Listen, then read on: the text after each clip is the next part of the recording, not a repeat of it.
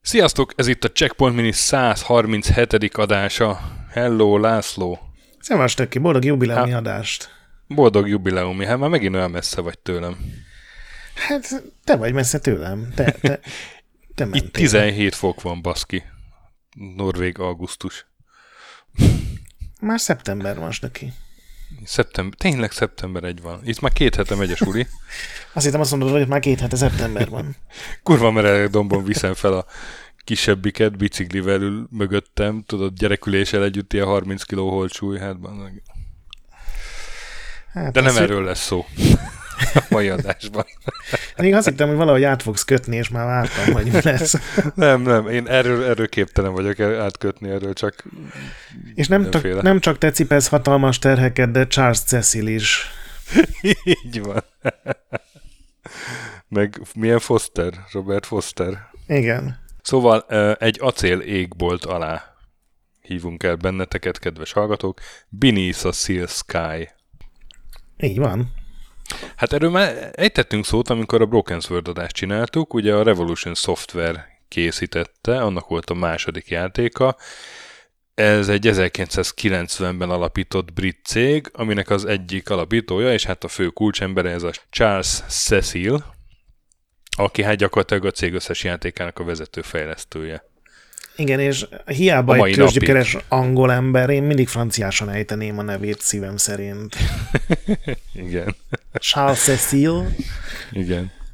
Hát ő már, már annak idején, már így a 80-as évek végén, 90-es évek elején már, már tett olyan kinyilatkoztatásokat, hogy, hogy a, a Sierra kalandjátékok azok neki így túl komolyak, a LucasArts kalandjátékok túl viccesek, és egyébként meg, meg a történetet mindegyikbe háttérbe szorítják, hogy, hogy az ilyen elborult fejtörők vagy tárgyhasználat kedvéért, úgyhogy ő kitalálta, hogy ő majd csinál egy ilyen középutas majd megmutatja. Majd ő megmutatja. Egyrészt, hogy a, hogy a történet is legalább olyan fontos, vagy talán még fontosabb, mint a, mint a fejtörők, másrészt meg, hogy, hogy lehet azért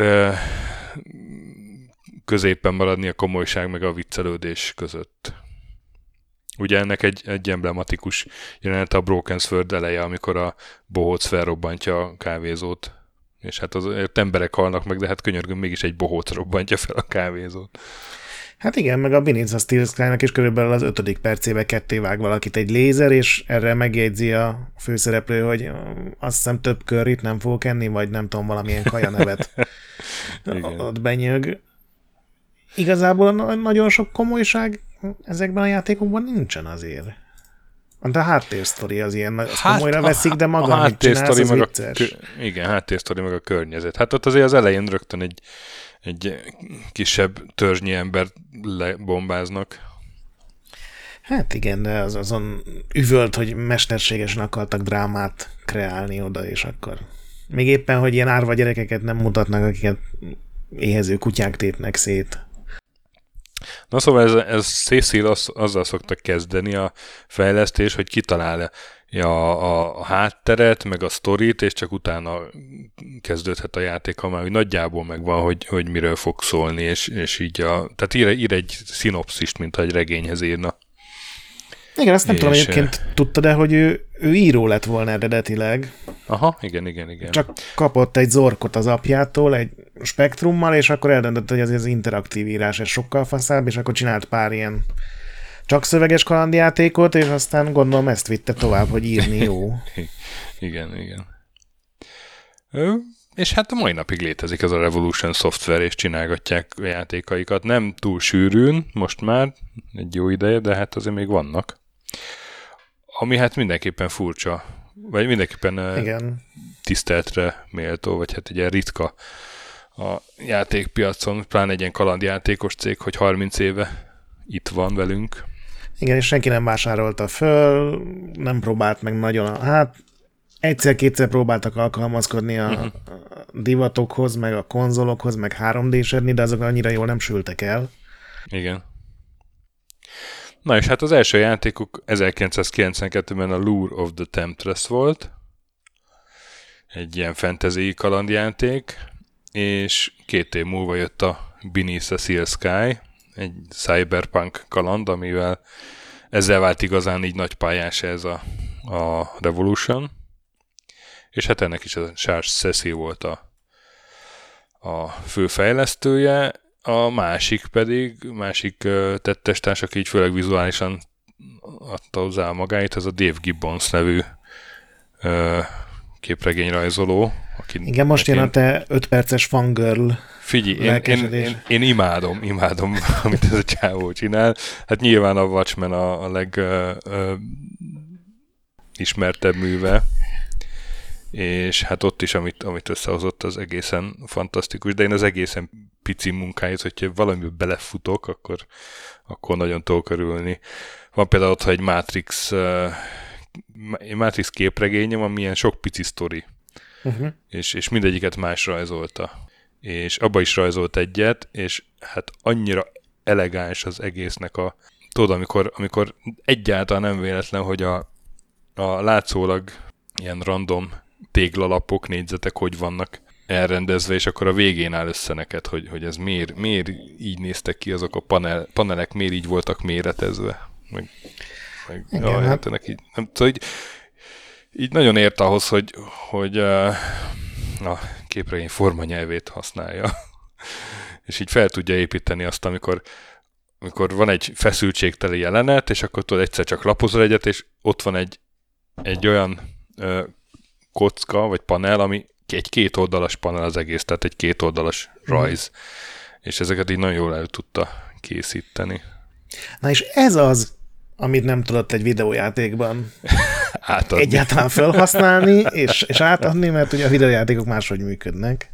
Igen, hát ott azért az intróban van próbálkozás, ugye ehhez a játékhoz adtak egy képregényt is, amikor megjelent, nyilván Dave Gibbons rajzolta, és ennek a, a paneljeit villantják fel, de, de Igen, nyilván kicsit az, animálva.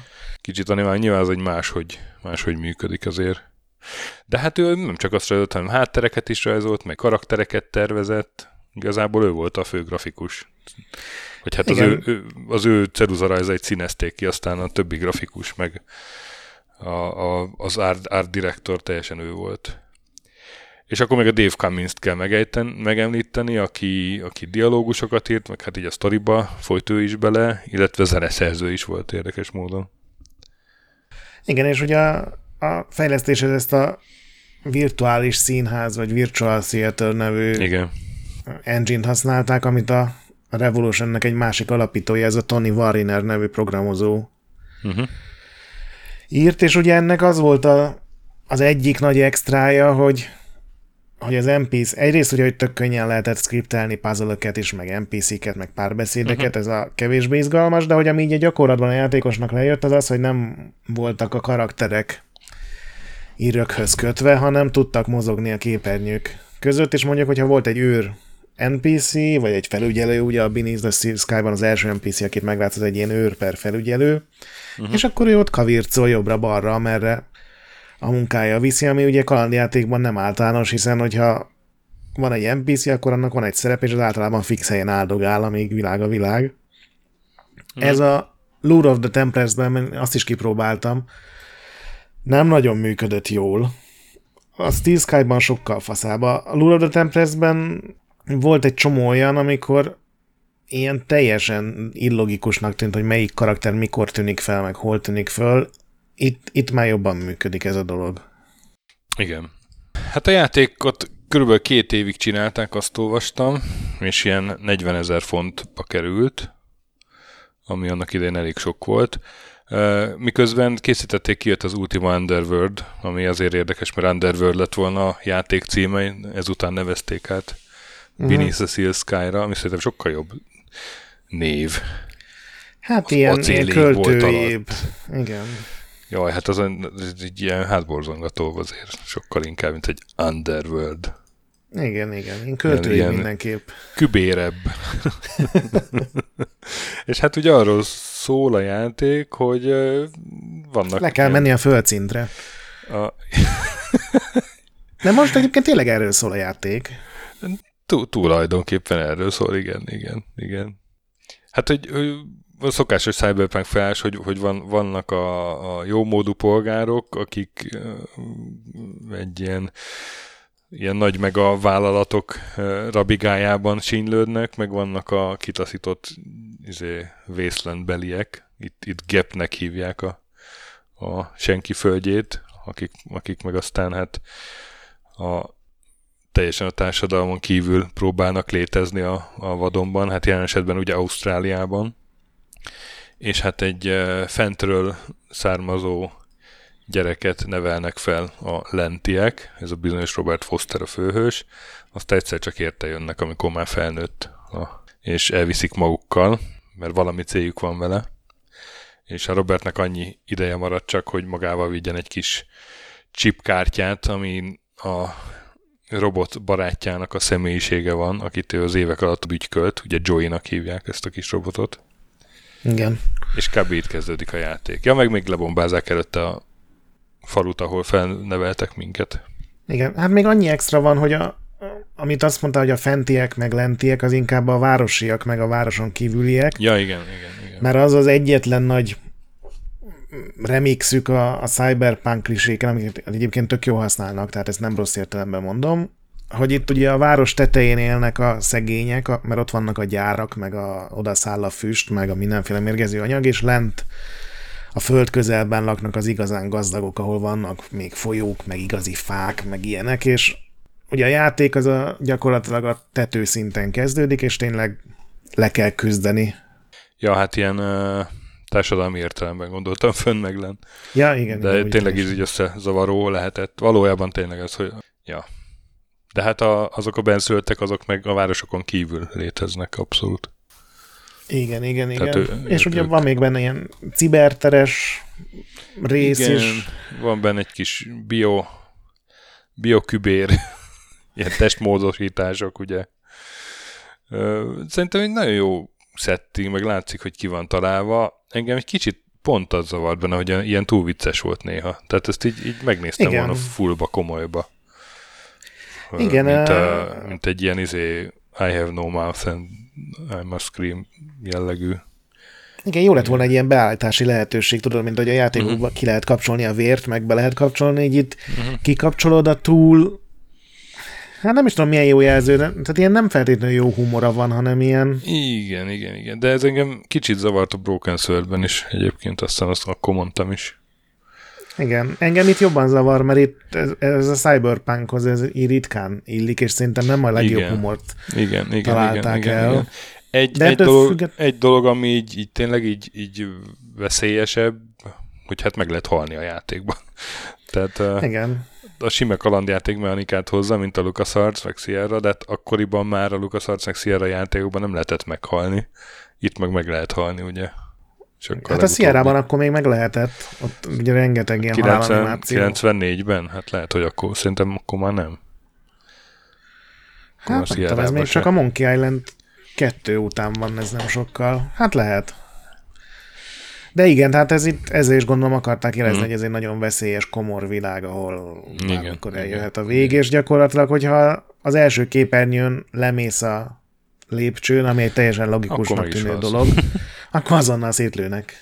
Nekem még van két fejlesztési ilyen anekdotám, amiket itt találtam. Mondjad, mondjad. Mindenféle. Az egyik, hogy ugye Robert Fosternek hívják a főhőst, és ugye Ausztráliában játszódik a játék, aminek egyébként itt túl sok szerepe nincsen, csak a, az öreg Cecil nagyon szerette a Mad Max filmeket, és akkor ezért inkább odarakták a játékot. Uh-huh, uh-huh. De ugye Ausztráliában van ez a Fosters nevű sör, amit uh-huh. nagyon sokan uh, gyűlölnek, de hát azért isszák, mert még mindig létezik. És ők kivetették abból a képregényből, amit mondtál, amit a Gibbons rajzolt a, a Fosteres üveget, mert eredetileg arról nevezték volna el, és kivetették, mert, az, mert nem akarták, hogy a termék egy videójátékban megjelenjen, mert akkor azt még cikinek számított. Most már valószínűleg fizetnének is érte. Úgyhogy átrajzolták a képregényt, és az ausztrál verzióban a Worm Peace a neve, csak fordítva van írva, ami szép, nem tudom, valami ilyesmi.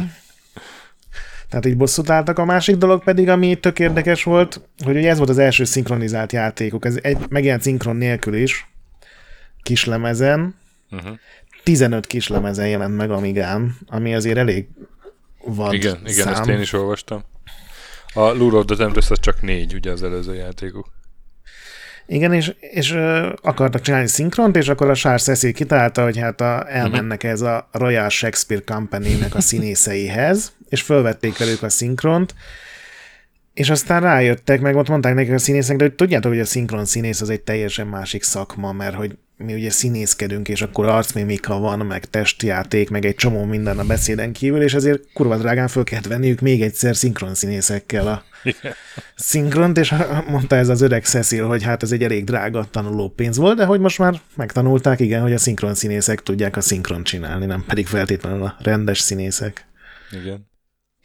Nekem még, még egy olyanba futottam bele, hogy uh, hogyan zajlott ez a Dave Gibbons háttereinek a, a digitalizálása, és a, a kornak a, a szuper gépének számító Macintosain szkennelték ezerszer ezer pixelben, 16 millió színpalettáról, és ezt transformálták 320x200-as, 256 színes.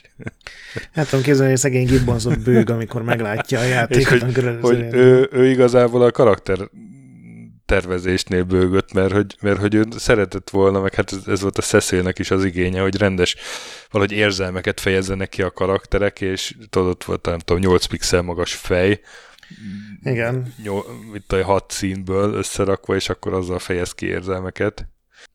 Úgyhogy ő, ő leginkább ott, ott sírt, azt, azt nyilatkozta, hogy az, az volt neki így a legnehezebb. Na, és hát ugye ezt ugye a Mirrorsoftnál akarták kiadni eredetileg, 91-ben még, még a Mirrorsoft-tal tárgyaltak, és utána elkezdték fejleszteni. A, az a Lure of the Tempest volt. A Lure of the Tempest, de, de a Mirrorsoft, a Binutasiszkára is megegyeztek már a Mirrorsoft-tal. Uh-huh. Tehát, hogy az első két játék az ott jelent volna meg, csak ugye meghalt a balesetben Robert Maxwell, a Mirrorsoftnak a, a milliárdos tulajdonosa, és akkor rövid idő belül a Microsoft is csődbe ment, vagy megszűnt, és akkor így kerültek a Virginhez. Igen, én is utána olvastam, az egy, az egy elég furcsa figura volt, nem tudom, így ránéztél az életére, hogy ilyen... Igen, igen, meg vannak konteók a halála körül, hogy az nem is halt meg igazából, nem megölték. Hát meg, hogy ő egy, lehet, hogy kém volt, de igazából igen, angol igen, parlamenti képviselő is volt, és aztán amikor meghalt, a fia így versenyt loptak a cégekből. Így van és azért romlott össze ez az egész vállalatbirodalom, mert a kis gyermekek így jól lereagálták papának a halálát. Igen. Ez egy jó időszak lehetett. Úgyhogy virgin jelent meg, és hát elég, elég sikeres volt. Ilyen 3-400 ezer, 3 és 400 ezer közötti eladást uh, uh-huh. satszólt itt valaki valamelyik interjúban. Meg hát megnyerte a Golden, Golden Joystick-on a legjobb kalandjátékdíját, akkor még volt ilyen kategória. Úgyhogy uh, Úgyhogy a Revolution az, az így a figyelem központjába került, aztán a Broken sword meg pláne.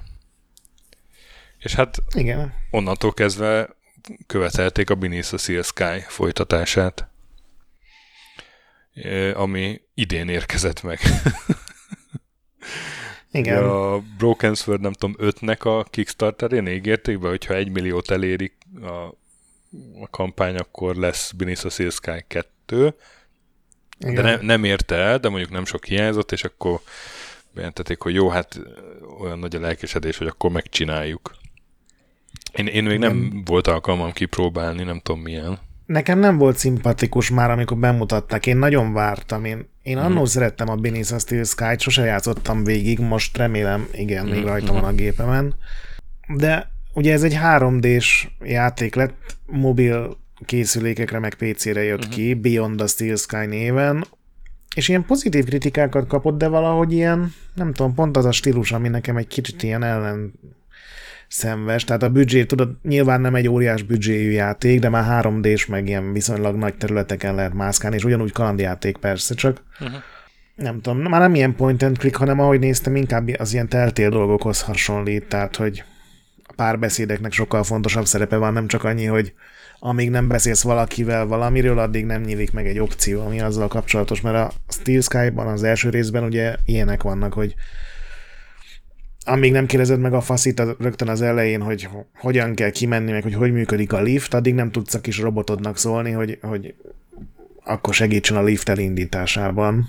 Ez az új rész, ez máshogy működik, még én se próbáltam ki, kicsit drágálom az árát, majd szerintem egy jó karácsonyi leárazáson megveszem, aztán kiderül. Szerintem nagyobb sikert vártak tőle, nagyobb, azt, hogy nagyobbat durranjon. Pár ilyen interjút olvastam, én újabbat, és annyira nem voltak úgy tűnt, hogy nem annyira elégedettek, vagy nem, nem ezt várták teljesen. Uh-huh. Ja, én, én is így nem éreztem szükségét, hogy gyorsan kipróbáljam. Viszont annak idején én nagyon szeretem a Benicio Sky-t. Én végig is játszottam, és, és uh... Magadtól vagy leírással? Mert néha azért elég kacifántos volt nekem. Hát Én... volt, hogy hozzányúltam, azt hiszem 576-ban volt leírás, és volt, hogy hozzá uh-huh. kellett nyúlnom, igen. De azért uh, úgy emlékszem, hogy, hogy magamtól is elég, elég uh, jól tudtam haladni benne és hosszú volt, tehát hogy a, a többi, kor többi kardjátékhoz képest azért e, e, úgy emlékszem, hogy elég sokáig játszottam vele. Igen. És ez megmaradt egy ilyen, egy ilyen hosszú, jó kis cyberpunk, akkor még lehet, hogy ezeket a gyermetek poénokat is jobban viseltem. Úgyhogy én nekem nagyon szép élményeim vannak vele. Most inkább a megvalósítás tetszett, tehát azért ez gyönyörű pixel művészet, ami, ami ebben van, a hátterek, a karakterek, a, úgy az egész. Igen. Szóval jó, hogy a, a nagy pixel gyönyörű, de, de azért itt, mert tudod, van egy csomó szép ilyen pixelártos kalandjáték, és van amelyiknél azért látszik, hogy több grafikus dolgozott rajta, és akkor az egyik megkapta ezt a hátteret, a másik azt a karaktert, és akkor igen, igen. látszik, hogy, hogy, hogy ilyen picit azért nem annyira egységes, hogy lá, kicsit látszik, hogy ezt, ezt csinálta az az. Itt meg nagyon érezni, hogy a Dave Gibbonsnak volt egy víziója, és az ő volt az Atya Úristen, és mindenki más csak színezett. Egyébként jól vannak beszínezve. Jól, jól, igen, tehát nagyon szép az egész, és, és úgy szép, hogy, hogy be tud rántani, és nem, egy idő után annyira természetes, ahogy kinéz az egész, a, a, az egészen zord helyszínek kik is egyébként, mert ugye vannak ilyen, ilyen uh, virtuális valóság, vagy nem is tudom, ilyen, ilyen Matrixban játszódó Igen. jelenetek is. Szóval én, én nekem nagyon tetszik ez még mindig, meg még mindig jó volt vele játszani. Mondom, a, a humora zavart. Most már néha. Igen, nem ezt várja tőle az ember talán ma, ma sem. Szerintem akkor sem volt feltétlenül a Cyberpunk ilyen vicces, de, ja, de igen, ez... Ja. A Broken Sword-ben egyébként szerintem jobban működött. Ott egy kicsit az egy jobban ilyen, működött, igen. igen ott, ott maguk a, a hős sem ilyen helyzetben volt, hogy tudod, igen, hogy az egész világ rávadászik, meg minden. Igen. Maguk a karakterek is kicsit így túl, el voltak túlozva. Igen, igen, igen. De jó játék, és ingyen legálisan hozzáférhető, mert a Lura the Tempest-re együtt freewareként kiadta Így a cég, van. és a mai napig letölthető minden. Hát sőt, a forráskódot is. Úgyhogy rögtön be is rakta ja. a ScanVM alá, és ez a verzió elérhető Gogon. Igen. Néha ott is, ott is volt már aztán, hogy ingyen adták, úgyhogy de szerintem még, még ki lehet próbálni ma is, ha valakinek ki, ki maradt ez. Igen, mindenképpen a jobb. Így nem követtek el egyetlen ilyen nagy design bakit sem szerintem. Tehát a puzzle is nehe, nem rohadt könnyűek, azt semmiképpen nem mondanám, de hát ugye beszéltünk már ebben a Checkpoint miniben például Goblinsról, uh-huh. annál nagyságrendekkel logikusabb és jobban kitalált uh-huh. fejtörők vannak benne, meg feladatok. Tehát egy, a legtöbbször tudod, hogy nagyjából hogy kéne átjutni, csak legfeljebb a megvalósítás nem tökéletes, meg nem annyira modern, mint ha ma jelenne meg, de hát ezt nem is lehet számon kérni. Na, hát akkor ajánljuk a Beneath a Seal Sky-t. Így van. Mondjátok ki sokszor egymás után. Mindig örülök, amikor te mondod ki. Sepsi Szentgyörgy. És hát beszélünk még, mert van egy top listánk is ehhez az adáshoz. A színes... Te általad kitalált. A színes toplista párja. ugye, nem Igen. is tudom melyiknél volt, a Red Alert-nél volt, hogy tíz játék, aminek szín van a címében, és akkor kihagytuk a goldot, hogy az nem szín, meg a Igen. silvert, és úgyhogy most akkor jön a tíz játék, aminek fém van a címében. Én azt hittem itt is, mint a színesnél, hogy a bőség zavara lesz, de hát alig bírtam összekaparni tíz játékot. Nem tudom, te hogy vagy vele. Nyilván az ilyen, Én még jobb, az ilyen gold Még- edition nem vettük. Ö, Én még jobban megszopattam magam, mert én kitaláltam, hogy minden, tehát hogy egy fémet csak egyszer fogok használni. Ja. Tehát, hogy hiába vannak met, metal gearek, meg Aha. én abból csak egyet fogok kitalálni, és ö, el kell mondanom, hogy ez nem volt jó ötlet.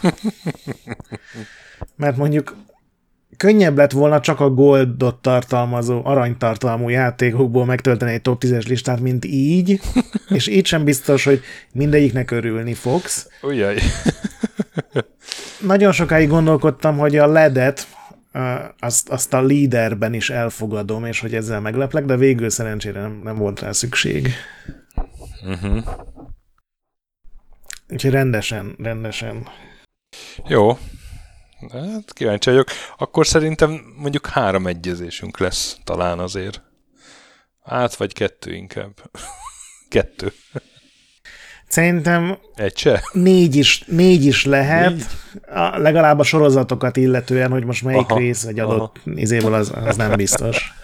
Én, én nem figyeltem erre, vagy hát nem, nem, meg se próbáltam. Én rákerestem rengeteg fémre, de hát még nincs túl sok játék, amiben lítium vagy, vagy urán van. Egyébként pont ez volt a bajom, hogy annyira fasza fémnevek vannak, hogy bizmut, Igen, igen. vagy, igen. vagy, vagy nikkel, és egyszerűen nem használják Nem. ki ezeket a Nem, dolgokat. és- és- Van egy Kobalt című játék, csak az nem tetszett, az, igen, volt a nagy pont azt én bajom. is megtaláltam. Igen, igen, igen, igen, igen.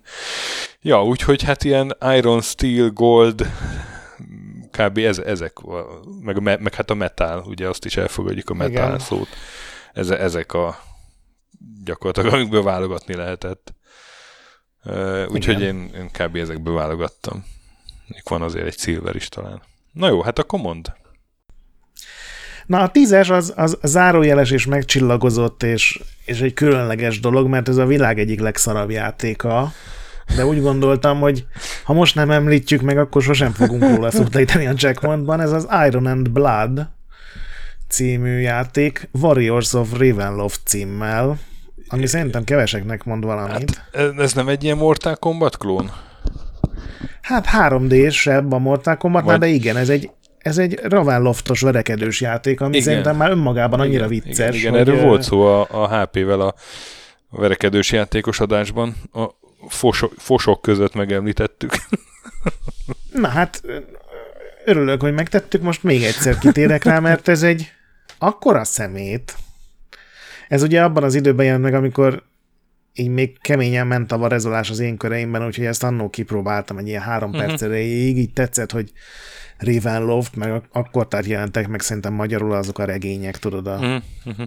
Lord Strad, meg a Baro von Zarovics, meg a többi, és egyrészt egy botrányosan rossz játék, másrészt annyira üvöltött róla, hogy nem tudták megtörni Ravenloft karakterekkel, hogy most megnéztem a karakterlistát, és olyan hősök vannak rajta, mint Nim Pimple, az őrült goblin, vagy Ignatius Max, a Halfling tolvaj, és akkor nekik kell a Stragd ellen csatába menni. Egy, egy, egy pocsék játék. És akkor képzeld el, hogy ott kombóznak a vámpírok, meg, meg a vérfarkasok, meg ilyen szupereket bevetnek. Nagyon gáz az egész koncepció.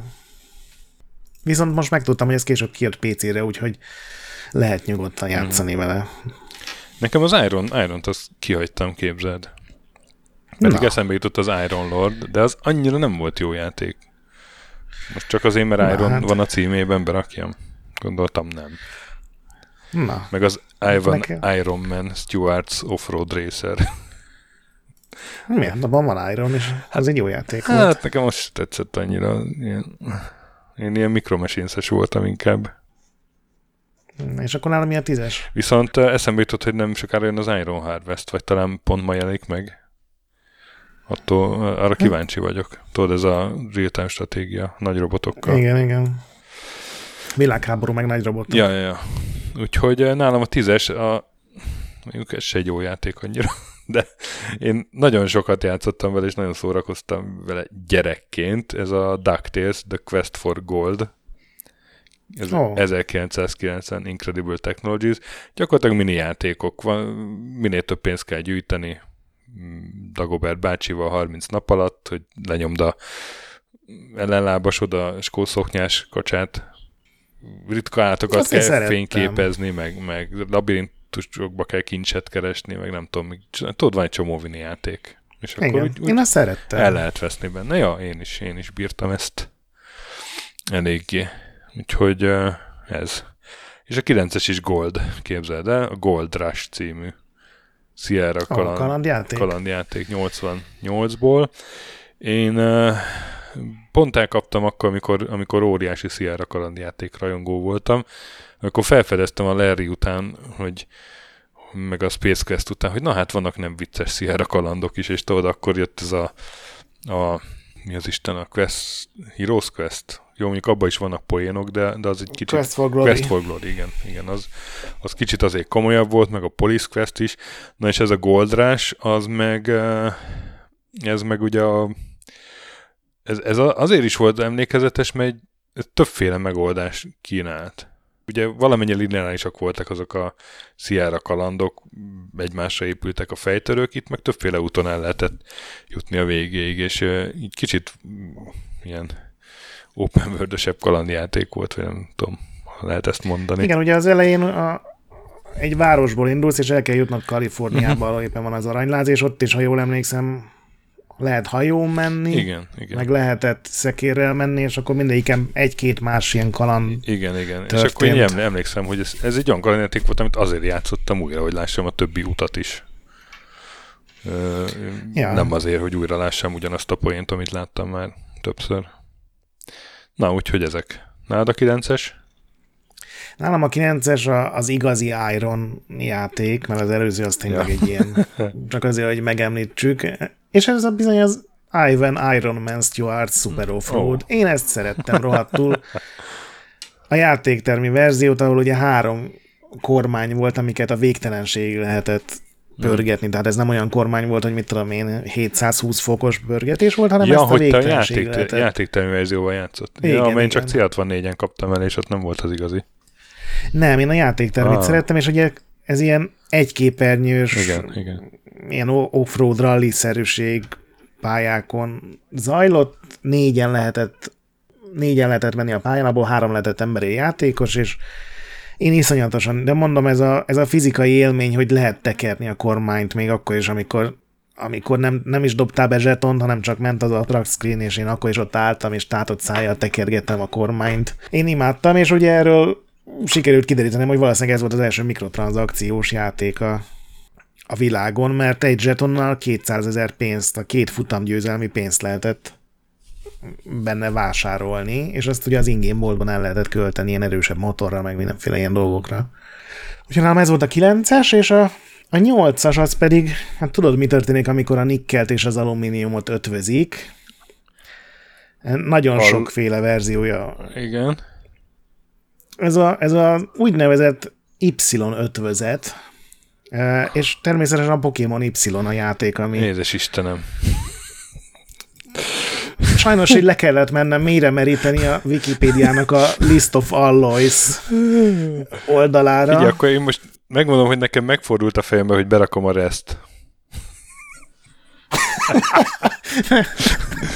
Bele kellett volna raknod. A Halo 3 után el kellett volna fogadnod.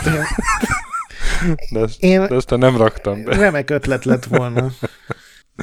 Na jó van, Y, oké. Okay. De komolyan létezik, magyarul sajnos nem találtam nyomát, de a, a britek az első világháborúban fejlesztették ki, úgyhogy ma is tanultál valamit.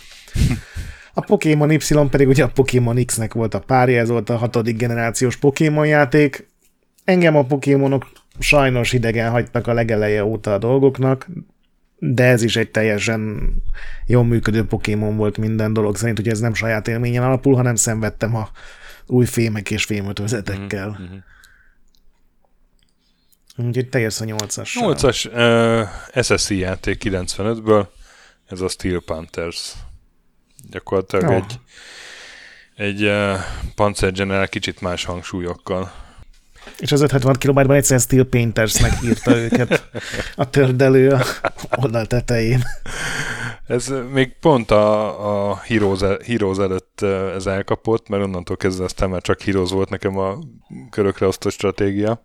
Aha. És, és akkor élveztem, úgy emlékszem. Egy csomóféle tankkal kellett csapatni. Hát mondom, olyas, mint a, mint a Panzer General, nem annyira grandiózus, meg, meg inkább a tank-tank elleni küzdelmen van a hangsúly, ha lehet egy körökre osztott stratégiában ilyet mondani, nem, a, nem az ilyen átfogó hadműveleteken. Ilyen mindig hardcore tűnt, mint a Panzer General, én is az 576-ban olvasgattam róla.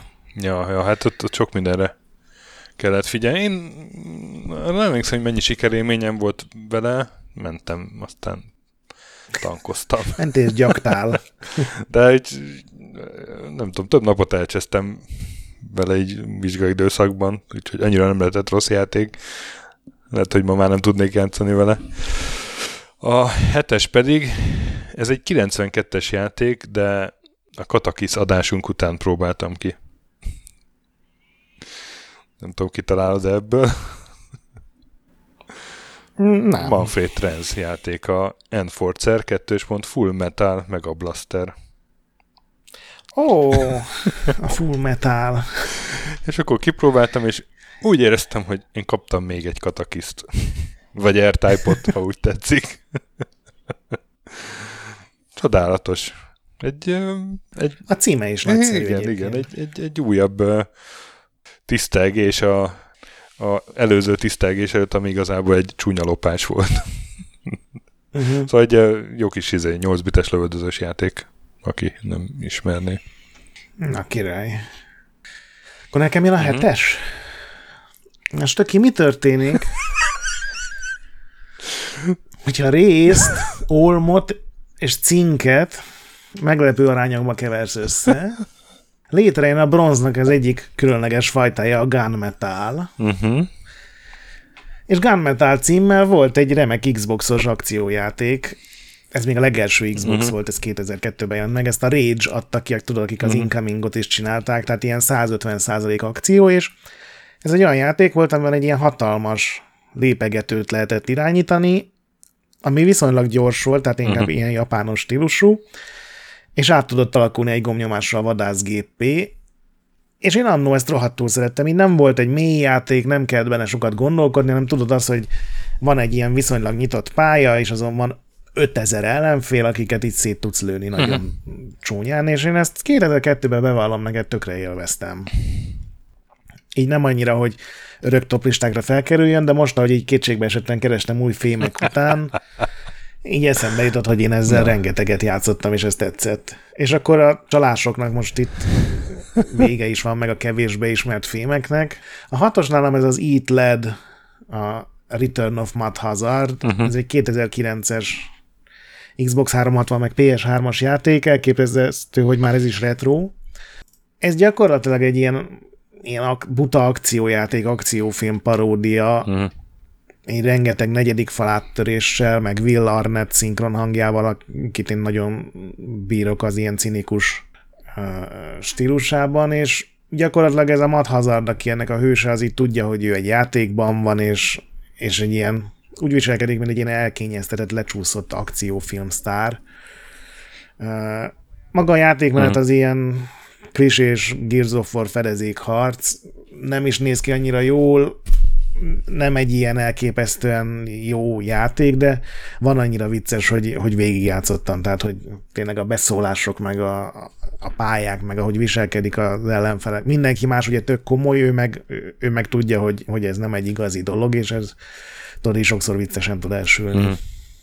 És akkor te jössz a hatos. Nem, a hatos. Uh, 98-as játék, Cyclone Studios a fejlesztő, Uprising 2, kettős pont. Hát Lead and Destroy, de nem tudjuk pontosan ezt így, hogy a költőit mire gondolt, hogy vezes, hát vezess nem. és rombolj, vagy hogy olmoz és rombolj. De a kiejtésed led, alapján ez a vezess és Led and Destroy. Úgyhogy nálam ez a csalás. Uh, hát az Uprising 1-2-t is bírtam, bár ezzel mondjuk a koleszszobában egyedül voltam. Ez egy olyan, olyan real stratégia igazából, ami egy FPS nézetű, és tehát egy akciójátéknak tűnik, meg igazából akciójáték is, csak de azért mégis uh, tudsz építkezni benne, meg, meg egységeket irányítani. Aztán ezt a receptet még jobban megcsinálta a Battlezone 98-ban, ami nekem nagyon kedvencem, de az Uprising egy-kettőt is, is eléggé tudtam bírni. Meg úgy emlékszem, az rohadt jól nézett ki és akkor, az igen, ilyen 3 igen, DFX igen, és ahhoz képest nagyon jól nézett ki. Ugye 96-os azt hiszem az első rész, hát amikor az kijött, akkor azért össze, el, el voltunk jó, hogy ez mennyire összetett játék, úristen FPS nézetben egy ilyen játék. Igen. Ja. Hát ötösnek meg ellágyultam, és beraktam a Beneath a Seal Sky-t, mert hát egy ilyen listában csez meg, ahol úgy kell összekaparni mindent, azért adjuk meg, a, ami jár neki. Tényleg nagyon szép, ja. és, és ma is jó játszható játék. Ja, hát innen már nem nehéz találni, mert ugye legyen egy ezüst játék, egy arany, és akkor azokból... egy metál, gondolom met, egy metál uh, izé lesz neked. Mi az Isten? Eszembe se jut a Kojima játék. az Metal, Metal Gear. Gear az az.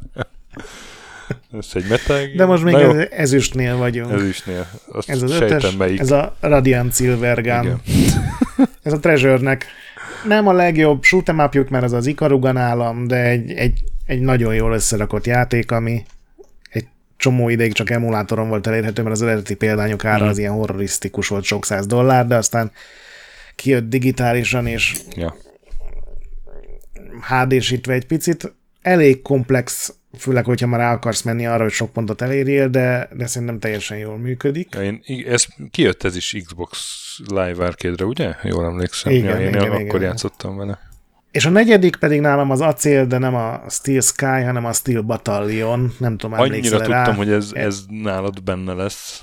Én, én nem raktam be, mert én nem játszottam ezzel, de de tudom, hogy ez az a mehás játék, amiben ilyen, izé, ilyen uh, külön irányító kütyű volt hozzá. Igen, egy ilyen ménkű nagy, voltak hozzá pedálok, meg volt egy ilyen uh-huh. vezérlőpult szerűség, rohadt nehéz volt, teljesen értelmetlen, de pont ettől lett annyira ilyen legendás. Hát sajnos sosem volt meg, és mindig elgondolkozok rajta, hogy kéne egyet venni, de mindig minden évben 10 forinttal drágább lesz egy jó állapotú példány, úgyhogy nem hiszem, hogy valaha rábeszélem magam, de én azt annól többször kipróbáltam ilyen Xbox klubban, meg, meg, meg talán az egyik boltban is ki volt rakva, és ez pont nem egy, ezt már Capcom csinálta, de abszolút nem az a tipikus japános mehás játék, hanem ezek a tényleg ilyen olajos, koszos, nyugati stílusú, lassú, nagy dögmehek mennek, és így alig lehet őket irányítani, szinte érzed ezen a hatalmas kontrolleren keresztül, hogy így küzdesz a, a több tonnás gépekkel, és az alapkiadásban egy kampány volt, aztán az ilyen mini folytatásszerűség az egy ilyen online játékmódot adott, és mind a kettő jó volt, de nekem a, a kampány valahogy jobban bejött, akkor találkoztam vele először, úgyhogy a, a kiegészítő nélkül szerintem negyed annyian sem emlékeznének rá, de hát volt hozzá ez a kiegészítő, ami egy csoda volt. Igen. Gondoltam, hogy nálad ez lesz. Négyes, hát ezt igazából inkább azért raktam be, hogy, hogy tisztelegjek előtte, mert én ezzel nem játszottam a 80-as évek óta, akkor viszont így, így elég korán a Commodore 64-esemre került, és, és tudod, amikor úgy játszol, hogy, hogy nem tudod, mi a játék célja, tudod, hogy ezt nem fogod végigjátszani úgyse, mert azt se tudod, de úgy annyira jó mégis játszani vele, így elszórakozgatni. És kicsit igazából ez is volt a játék célja, hogy, hogy te csak úgy elszórakozgass vele. 84-es játék, Ozark Software a alkotó, és ez a Seven Cities of Gold, ami egy oh. Pirates előtti Pirates volt, sőt egy Civilization előtti Civilization kis túlzással. Az egy ilyen korai open world játék, ahol hát így minél több pénzt kellett összeszedned, miközben menedzselted a, a majdnem azt mondtam, hogy kalandozó csapatot, de hát az ilyen, ilyen új világot felfedező csapatodat, ugye ott, ott betegségek voltak, meg kaja, kaját kellett aztán szerezni. Már így nagyon homályosak az emlékeim, de én ezzel annak ellenére tudtam egy csomó időt játszani, mondom, hogy igazából nem tudtam, mit kell csinálni benne. Egy haverom így próbáltam mondani, aki, aki valamennyire tudott angolul, és akkor úgy együtt játszottunk. És egy nagyon pici képernyője volt, még arra emlékszem. Tehát még a C64-nek a képességei is még, még jobban össze voltak szűkítve, de mégis olyan érzése volt az embernek azon pici képernyő, mint hogy tényleg egy, egy kontinenst fedezne feléppen, és, és keresné a aranyvárosokat. Igen, és ugye a benszülött törzsekkel lehetett kereskedni, igen, vagy igen, háborúzni, igen. meg igen. voltak más felderítők. Az új Expedition sorozat, ami mostanában mindig megjelenik egy-két új része, az egy az egyben ezt másolja mm-hmm. le, tehát az is tele van ilyen random eseményekkel. Nyilván ez már komplexebb, meg, meg máshogy működik egy kicsit, de de ez a recept még ma is megállja a helyét. Igen. Igen, Igen úgyhogy ez, ez annak idején nagyon szerettem, és hát aztán utána ö, szembesültem vele, amikor már, már úgy rendesen tájékozottam játékokról, hogy ez igazából egy ilyen, egy ilyen korát megelőző legendás fejlesztői bravúrnak számított. Igen. Ugye ez a Daniel Berry, Buntenberry, vagy akkor még Dan, Dan igen, Bunten igen. volt. Ja, a hármas helyre meg Na, végre van egy egyezésünk, beraktam a Radiant Silver gun én is. Hát Na. egy shoot'em up szteroidon. Igen, így komplexebb pedig a shoot'em upokra aztán ezt ritkán szokták rásütni, de igen. ez a Silver Gun, ez egy elég És hát ugye 98-as játék, szóval egészen addig a shoot'em up az, az nem pont ezt jelentette, tehát ez tényleg egy, egy új, nem tudom, fordulatszám volt a műfajban. Igen. Jó, a hármas uh-huh. jön, ugye? Hát ez egy, egy nagyon pici csalás, csak igazából az angol nyelv miatt. Ez a Titanfall 2-t raktam be, de amíg nyilván a Titaniumra. az nem Titan. De, de hát azok nem, esnek Titanium, angolul Titanium. De, de... Jó, akkor a rezet berakom, meg. Az az én ötletem a rez. Nem baj. Sőt, akkor, akkor én a Rez Infinite-et rakom be. Egy teljesen új ötlet gyanánt. De mondjad a, ezt a Titan. A, tam, a Tamper mellett a Res Infinite a, a VR mellett szóló másik most, érvén. Azt mondom, egy... Most így on the spot hekkeled a saját listádat az én szar szó vicces Igen, ötletemmel. mert rájöttem, hogy ez kurva jó volt ez a Rez. és, és szégyellem De... magam, hogy nem nekem jutott eszembe, és tudom, hogy a Titanfall egy kis csalásnak már tényleg nem volt semmi aha, eszköz aha. a kezemben. Hogy Most nagyon mélyen, nagyon mélyen vagy, azért érzed, ugye? Nem, én kivágom a rezet, hogy így fogalmazzak. Ez egy remek Tényleg, játék, hogy és mondom Én levetett tényleg. poénomat így felszeded a porból. Mert te nem, nem, nem becsülted meg annyira, hogy felhasználd. Nem, sokkal jobbakat ez mondok ennél. Az idei első jobb poénod volt, vagy lett volna. Elereztettem. Na, és akkor a Második helyen nálam nyilván egy Golden Axe-nak is be kellett férni, ez egyetlen gold játék, és én a Revenge of Death Adder uh-huh. raktam be. Ez ugye a, szinte egyszer jelent meg a Golden Axe 2-vel, de ez a játéktermi folytatás volt, és és hát aki nem próbálta ki, és sajnos semmilyen platformon nem elérhető, csak emulátoron ez a játéktermi verzió. Nem értem, hogy a Sega miért nem adja ki, minden más szírszart kiadnak már. Ezt még mindig nem. Ez a, ez a tökéletes Golden Axe élmény. Gyönyörűen néz ki, sok karakter van benne, elágazó pályák vannak benne. Igen. Nem annyira unalmas, mint a Mega Drive-os folytatások. Ez egy, ez, ez egy csoda ez a játék. Na, hát nálam a második. Mm. Az ezüstérmes. Igen. 96 NASCA Corporation. Metal Slug. Én berakom az Na. egész Metal Slug sorozatot, vagy legalábbis a első négy játékot úgy, ahogy van. Ugye Nagyon erről helyes. volt uh, Minink, fantasztikus, ugye a pixel grafika csúcsa. Gyakorlatilag igen, ezt igen. ki lehet jelenteni, főleg a főellenfelek. Nagyon hangulatos ilyen run and gun uh, sorozat mai napig. Igen, és kóban nem hagyhatatlan. Mai jó játszani vele. Igen. Az első helyen pedig, na, akkor két egyezésünk lesz, mert szerintem te a metának a Metal Gear Solid 3-at fogod berakni. Golden Axe, Revenge of Death Adder, nálam ez van az első helyen. Oh. Uh, én ugye a Golden Axe-es adásra készülve játszottam ezt végig, és Hát az a helyzet, hogy ez tényleg jobb, mint a eredeti Golden Axe, és nem, nem kicsivel jobb, pedig ugye az alapjáték is egy szuper dolog. Úgyhogy, uh, úgyhogy nálam ez az aranyérmes. Ja. Nálam pedig akkor meglepetés a Metal Gear Solid 3. Hogy ismerlek? Hát erről már szerintem beszéltünk Igen. elég sokat, ez én szeretem az egész Metal Gear sorozatot, nagyon kevés epizód van még a spin-offok között is, amit így, így utálnék, de ez, ez minden idők egyik legjobban összerakott játéka. Szerintem a sztori is, a játékmenet is, a... szerintem még teljesen befogadható azoknak is, akik a Kojimának a kicsit elszállt dolgait már annyira nem szeretik.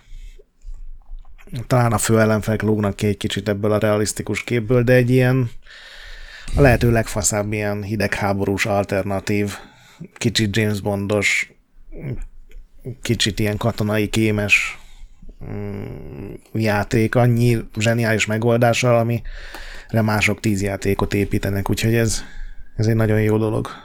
Na, hát mégis... Kisebb, kisebb ballépésekkel, de sikerült összeállítanom egy listát eltérő fémekkel. Ügyes vagy, költségre akar ezért. Nagyon jó ötlet volt.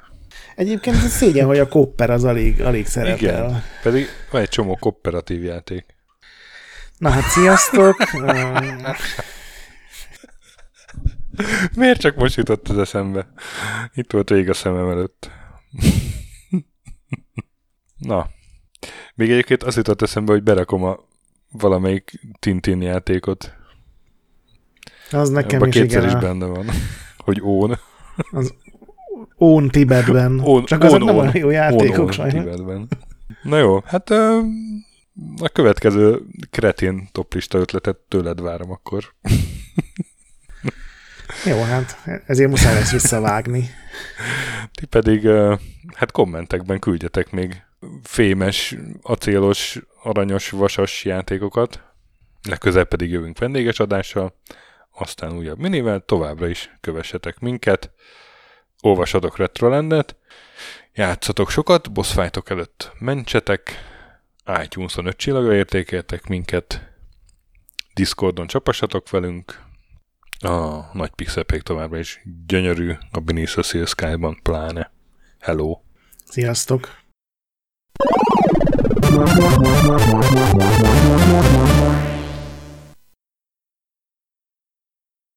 Köszönjük a segítséget és az adományokat támogatóinknak, különösen nekik.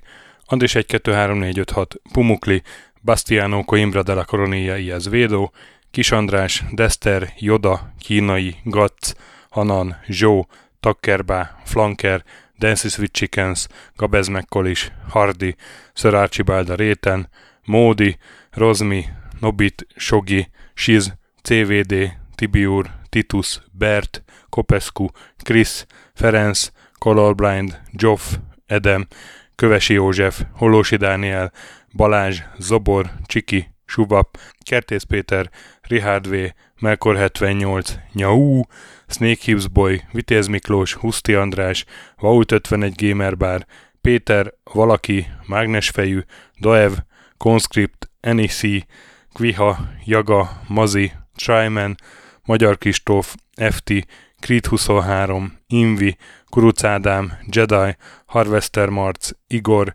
Inzertkönyv Egyesület a videójátékos kultúráért, Maz, Mr. Corley, Nagy Gyula, Gergely B., Sakali, Sorel, Naturlecsó, Devencs, Kaktusz, Tom, Jed, Apai Márton, Balcó, Alagi úr, Judgebred, László, Kurunci Gábor, Opat, Jani bácsi, Dabroszki Ádám, Gévas, Zabolik, Kákris, Alternisztom, Logan, Hédi, Tomiszt, Att, Gyuri, Lavkoma Makai, Kevin Hun, Zobug, Balog Tamás, Enlászló, Capslock User, Kovács Marcel, Gombos Márk, Valisz, Tomek G, Hekkés Lángos, Szati, Rudimester, Sancho Musax, Elektronikus Bárány, Nand, Valand, Jancsa Burgerpápa Jani, Arzenik, Deadlock, Csédani, Time Devourer, Hídnyugatra Podcast, Lavko Maruni, Makkos, Esstring, Csé, Xlábú, Kacúr Zsolt, Gusz,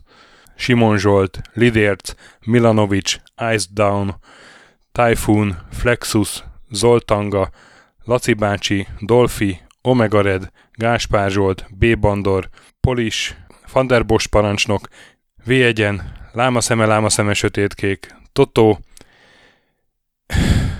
Ilyen a moba, és ezt büszkén olvasom be. Nem azért mondom, mert ide van írva, de a Spektrum jobb, mint a Commodore. Holdkor, Dwarf, Kemi 242, Vasas Gergő és Szalcer Tibor.